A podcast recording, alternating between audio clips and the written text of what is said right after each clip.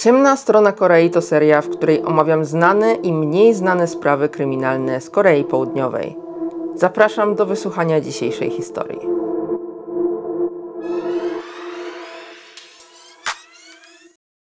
Witam w kolejnym odcinku z serii Ciemna strona Korei.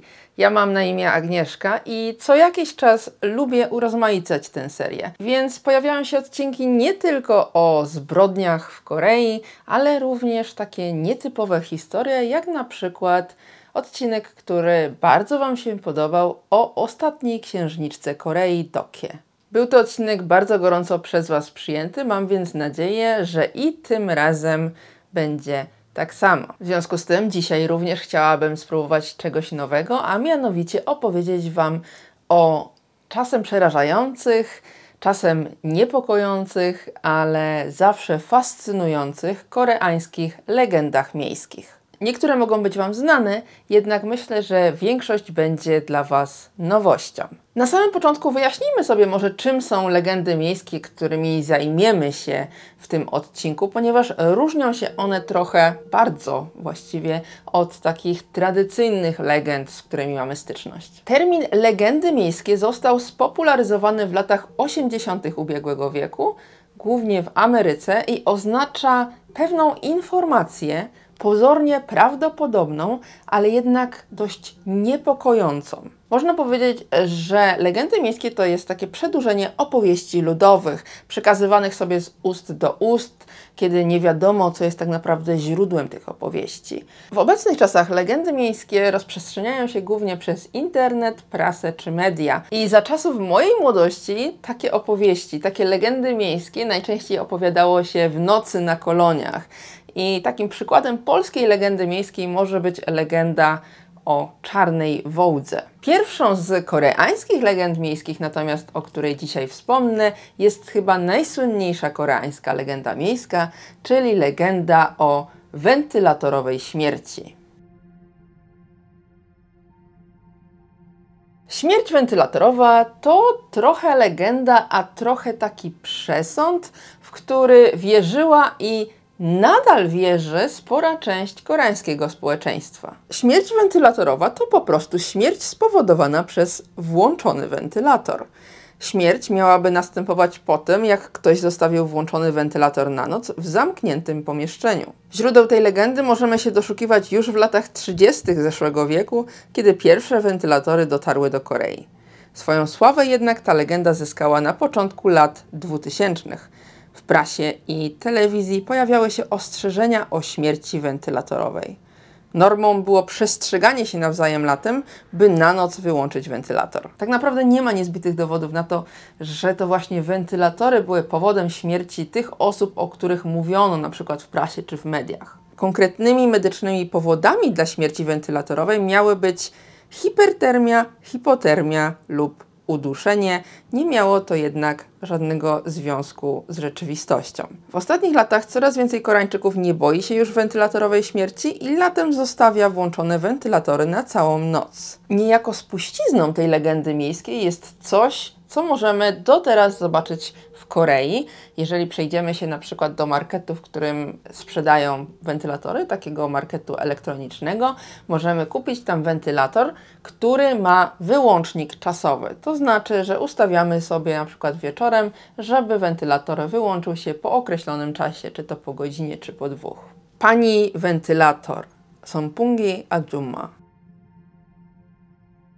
jak już jesteśmy przy wentylatorach, to pomyślałam sobie, że wspomnę o Sonpungi Ajuma, czyli pani wentylator. Nie jest to co prawda legenda miejska, a osoba, która żyła naprawdę, jednak jest to osoba, która pojawiała się właśnie często, jak mówiło się o koreańskich ciekawostkach, właśnie jako taka ciekawostka, jako takie dziwadło, a nie osoba z krwi i kości. Pomyślałam więc sobie, że dobrze byłoby poznać prawdę o tej kobiecie. Sompuni Ajuma, czyli dosłownie pani wentylator, zyskała rozgłos po tym, jak jeden z programów telewizyjnych wyemitował o niej materiał. W materiale pokazano kobietę w średnim wieku o potwornie zniekształconej twarzy, skąd zresztą wziął się jej przydomek. Jej twarz była tak wielka, że przypominała wentylator. Tak naprawdę pani wentylator nazywała się Han Hye-kyung i pod pseudonimem artystycznym Han Miok rozpoczęła obiecującą karierę muzyczną.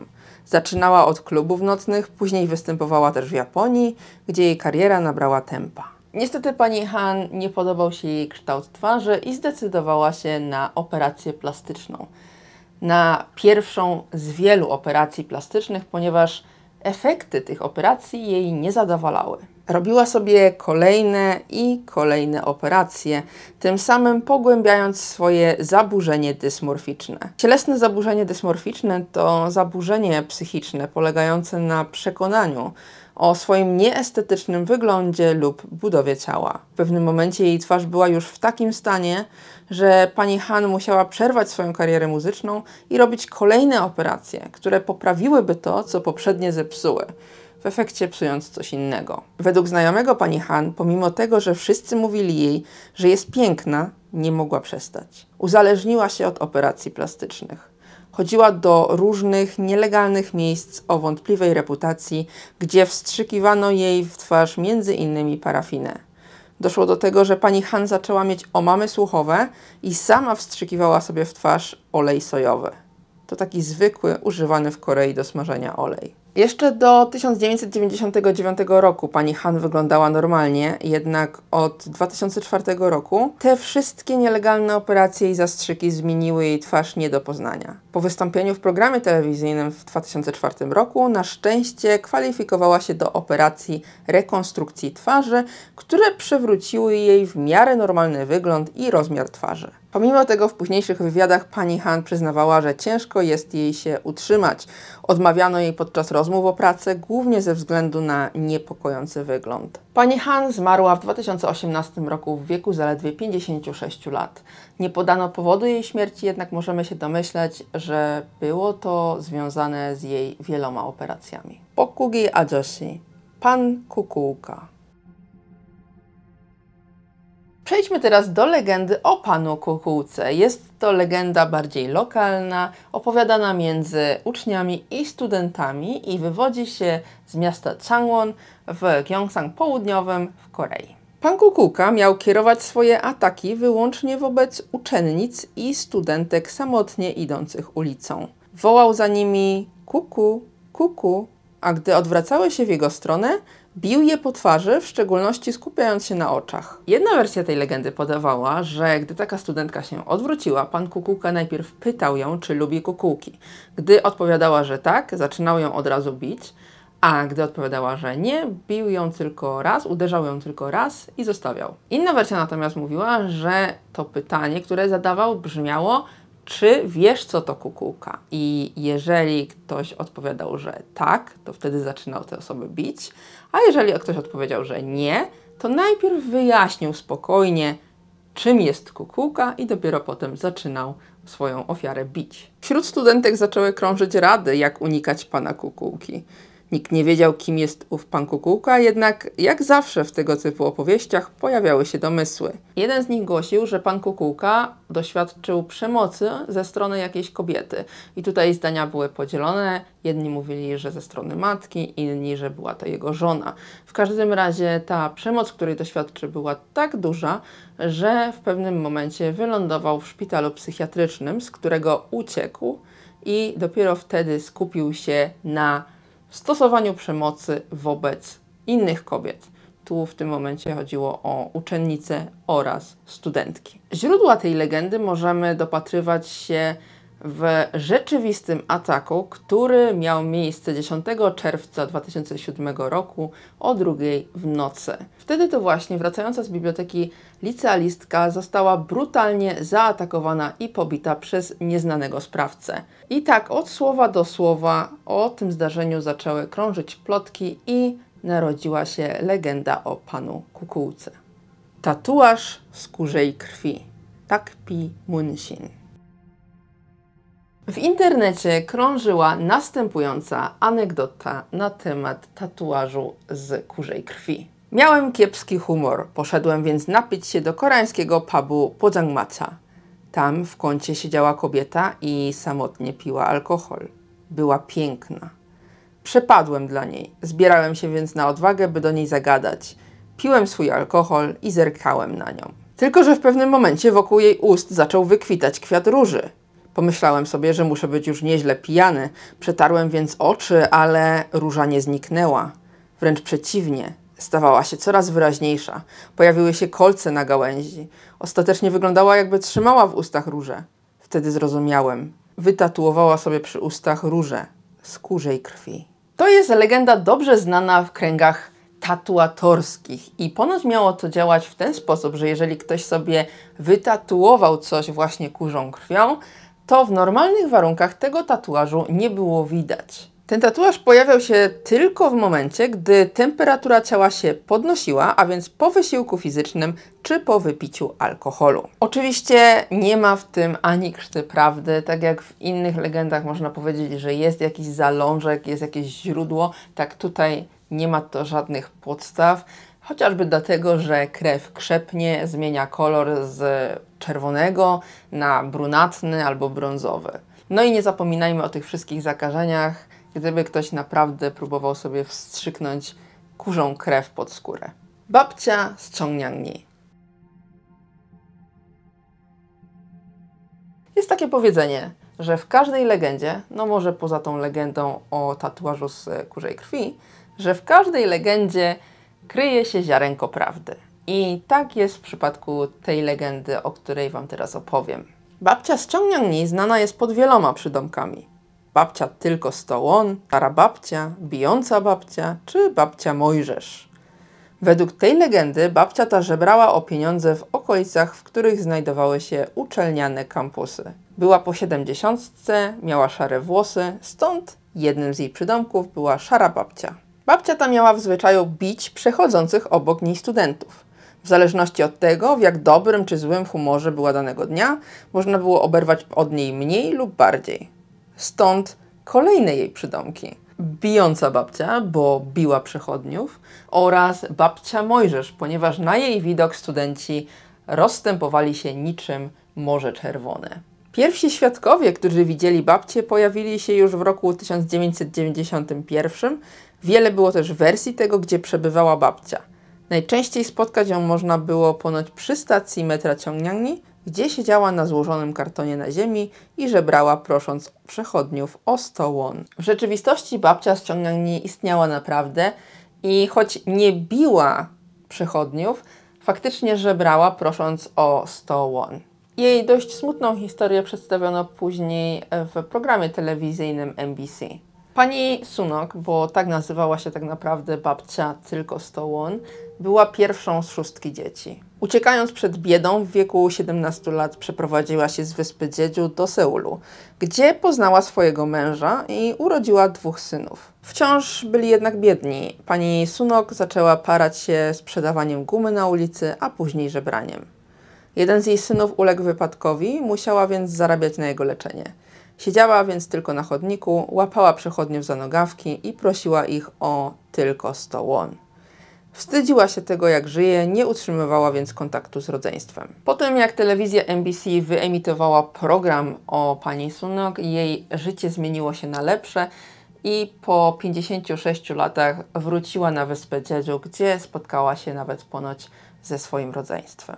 Trująca ryba Etileter Sengson. Kolejna koreańska legenda miejska to legenda, która na początku rozprzestrzeniała się na różnych forach internetowych, a później na Twitterze. I wiadomość, która krążyła po Twitterze, brzmiała mniej więcej następująco. Po ulicy chodzi osoba sprzedająca suszone ryby. Podchodzi do przechodniów i proponuje im powąchanie tego, co sprzedaje. Nie wolno tego wąchać. Tak naprawdę te suszone ryby są posmarowane etyleterem, substancją używaną w znieczuleniu. Gdy się ją powącha, można stracić przytomność, a w najgorszym wypadku umrzeć. Ten sprzedawca w czasie, gdy jego ofiary tracą przytomność, okrada je z gotówki i innych kosztowności. W rzeczywistości ta substancja, którą tutaj podano o nazwie etyleter, to tak naprawdę potoczna nazwa eteru dietylowego. Eter dietylowy, często nazywany po prostu eterem, jest bezbarwną, lotną, skrajnie łatwopalną cieczą. Ma też niesamowicie specyficzny, ostry zapach. Nie ma więc mowy o tym, żeby pomylić ten zapach z zapachem suszonych ryb. Poza tym, choć eteru faktycznie używało się kiedyś do znieczulenia, ostatnimi czasy odchodzi się od tych praktyk, używa się innych substancji, między innymi dlatego, że tego eteru trzeba by użyć bardzo, bardzo dużo, żeby człowiek stracił przytomność. Gdyby więc faktycznie ktoś sprzedawał ryby posmarowane takim eterem, to pierwszą osobą, która straciłaby przytomność, byłby sam sprzedawca. Podsumowując, ten legendarny tweet, który krążył po koreańskiej sieci, był jednym wielkim fejkiem. Zabójczy obraz. Na koniec opowiem Wam o koreańskiej legendzie miejskiej z polskim akcentem. Około roku 2007 po koreańskim internecie zaczął krążyć pewien obrazek.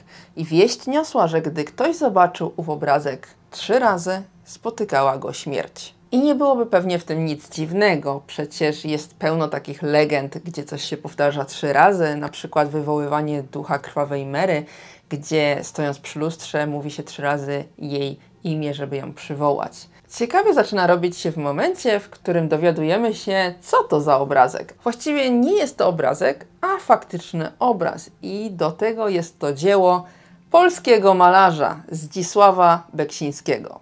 A ten obraz wygląda tak. Obraz przedstawia głowę bladej kobiety o dużych czarnych oczach, umiejscowioną na rzeźbionym krześle z lustrem zamiast oparcia. Całość utrzymana jest w ponurej tonacji i na pewno robi dość niepokojące wrażenie. I z jakiegoś powodu w 2007 roku ten właśnie obraz zaczął krążyć po koreańskiej sieci i mówiono, że gdy trzy razy zobaczy się ten obraz, to się umiera. Oczywiście tak naprawdę nikt z tego powodu ani wtedy, ani wcześniej, ani później nie umarł. Gdyby faktycznie od patrzenia na obraz Beksińskiego się umierało, to wyobraźcie sobie, ile trupów byłoby na różnych akademiach sztuk pięknych.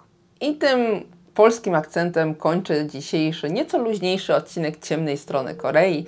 Mam nadzieję, że coś takiego Wam się podobało. Dajcie znać, czy chcielibyście usłyszeć większą ilość koreańskich legend miejskich. Dajcie znać w komentarzach, dajcie znać, co sądzicie o tych legendach, o których usłyszeliście dzisiaj, czy coś Was zaciekawiło, czy znaliście niektóre z tych legend. A my widzimy się, słyszymy się w kolejnym odcinku z serii Ciemna Strona Korei.